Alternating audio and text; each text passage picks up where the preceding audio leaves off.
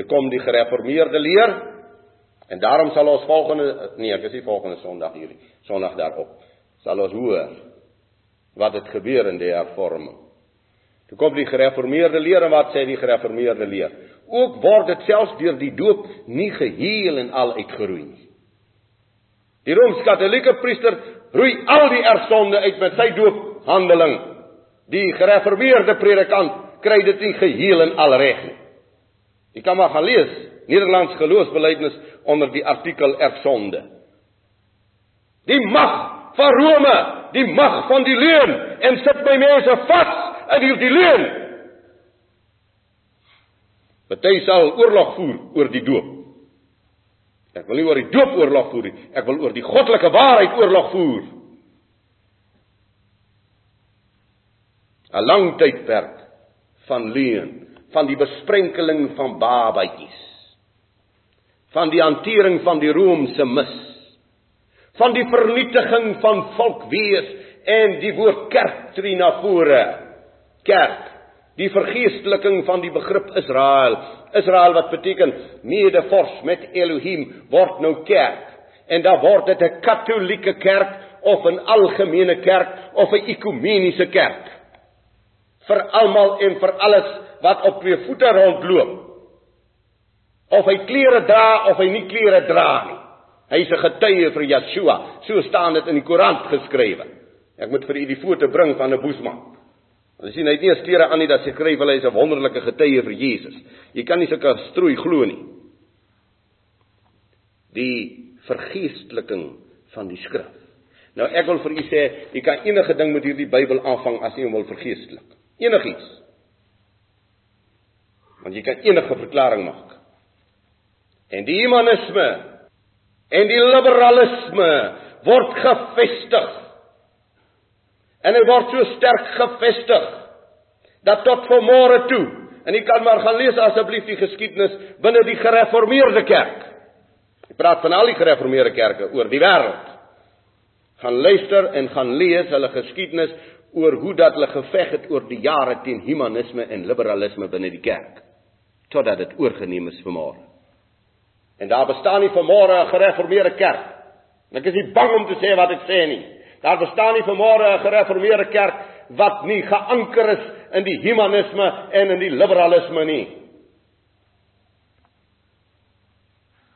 Want die leerstelling van Rome, vryheid, gelykheid en broederskap is gefestig en is ingedra. Want op die ou end moet en sal Satan deur sy handlanger wat die Bybel noem die dier die aarde regeer. En hy kan hom alleen regeer op hierdie fondasie van humanisme en liberalisme. Vas en sterk is hierdie struktuur in Thyatira ge gebou, die Rooms-Katolieke Kerk. En magtig is hy vermoere oor die aarde, geliefdes geweldig magtig. Dis gewonder dat die paus die vicarius filii dei wat op sy pet geskrywe staan die verteenwoordiger van God op aarde gewonder dat hy met 'n glas motorkar kan rondry en die aarde kan soen waar hy afklim van 'n vliegtuig en dat die skares hom ontvang en lof aan hom bring. En dat as hy net sy ring uithou en iemand soen sy ring raak terwyl hy verbystap op sy plek in die ewigheid verseker. En agter hierdie wit gewaad paus sit die swart gewaad paus, die werklike teenwoordiger van Satan op aarde en dra hy die vrymesselaarsring op sy vinger.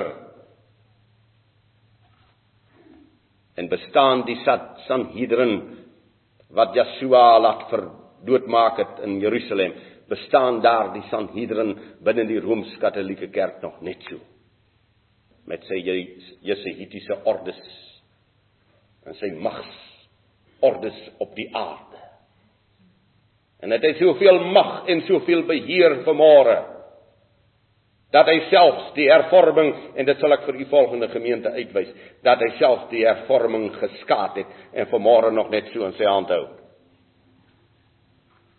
Daarom moet jy oplet na die identifisering van Yeshua in hierdie aan hierdie gemeente. Dit sê die seun van God wat oë het soos 'n vuurvlam en sy voete is soos blink koper. In die 14de vers van die eerste hoofstuk lees ons sy hoof en hare was wit soos wit wol, soos sneeu en sy oë soos 'n vuurvlam en sy voete soos blink koper wat gloei soos in 'n oond en sy stem soos die stem van baie water. Hebreërs 4 vers 13. Ek lees vanaf die 11de vers: Laat ons ons dan beywer om in te gaan in die rus, sodat niemand in dieselfde voorbeeld van ongehoorsaamheid mag val nie. Want die woord en ek het vir u geskryf gesê skryf tog hierdie woordjie woord met 'n hoofletter, want die woord van Elohim is lewend en kragtig en skerper as enige tweesnydende swaard en dring deur tot die skeiding van siel en gees van gewrigte en murg en is 'n beoordelaar van die oorlegginge en die gedagtes van die hart. En daar is geen skepsel onsigbaar voor hom nie maar alles is oop en bloot voor die oë van hom met wie ons te doen het. Sy oë is soos vuur vlam Hy lees dat toe hy in Palestina stap in die menslike gestalte of vlees van die mens, toe het hy hulle met toren aangekyk. En daarom lees ek ook in die Openbaring boek die dag as hy kom.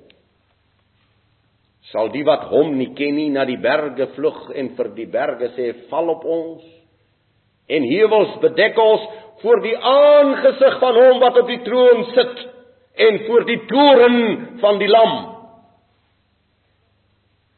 Kom ons bly na Daniël 10 vers 6. En sy liggaam was soos krisoliet en sy aangesig soos die geflikker van bliksem en sy oë soos vakkels van vuur en sy arms en sy voete soos blink geskuurde koper en die geluid van sy woorde soos die gedruis van 'n menigte. Geliefdes, kyk wie verskyn aan Daniël. Geweldig wat hier staan. Sy liggaam was soos krisoliet en sy aangesig soos die geflikker van bliksem en sy oë soos vakkels van vuur en sy arms en sy voete soos blink geskuurde koper en die geluid van sy woorde soos die gedruis van 'n menigte. Yeshua openbaar hom aan Tiatire. Aan hierdie uitverkorenes in hierdie stad. En hy laat aan hierdie gemeente sien wie is hy? Met wie hulle te doen het? Wat is die mens, o Jawe, wat is die mens dat U hom begenadig? Wie is U en ek vermoor om in die teenwoordigheid van hierdie heilige almagtige te mag beweeg? Hy wie se oë is soos vuurvlam, wat die binneste van ons binneste sien. Daar is geen gedagte. Daar is niks wat in ons binneste kan opkom of hy's bewus daarvan.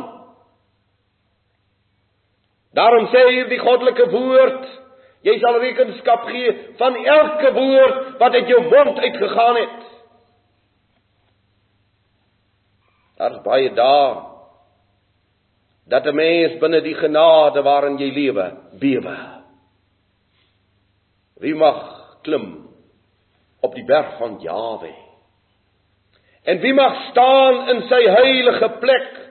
Hy wat rein van hande en suiwer van hart is, wat sy siel nie ophef tot nietigheid en nie vals weer nie.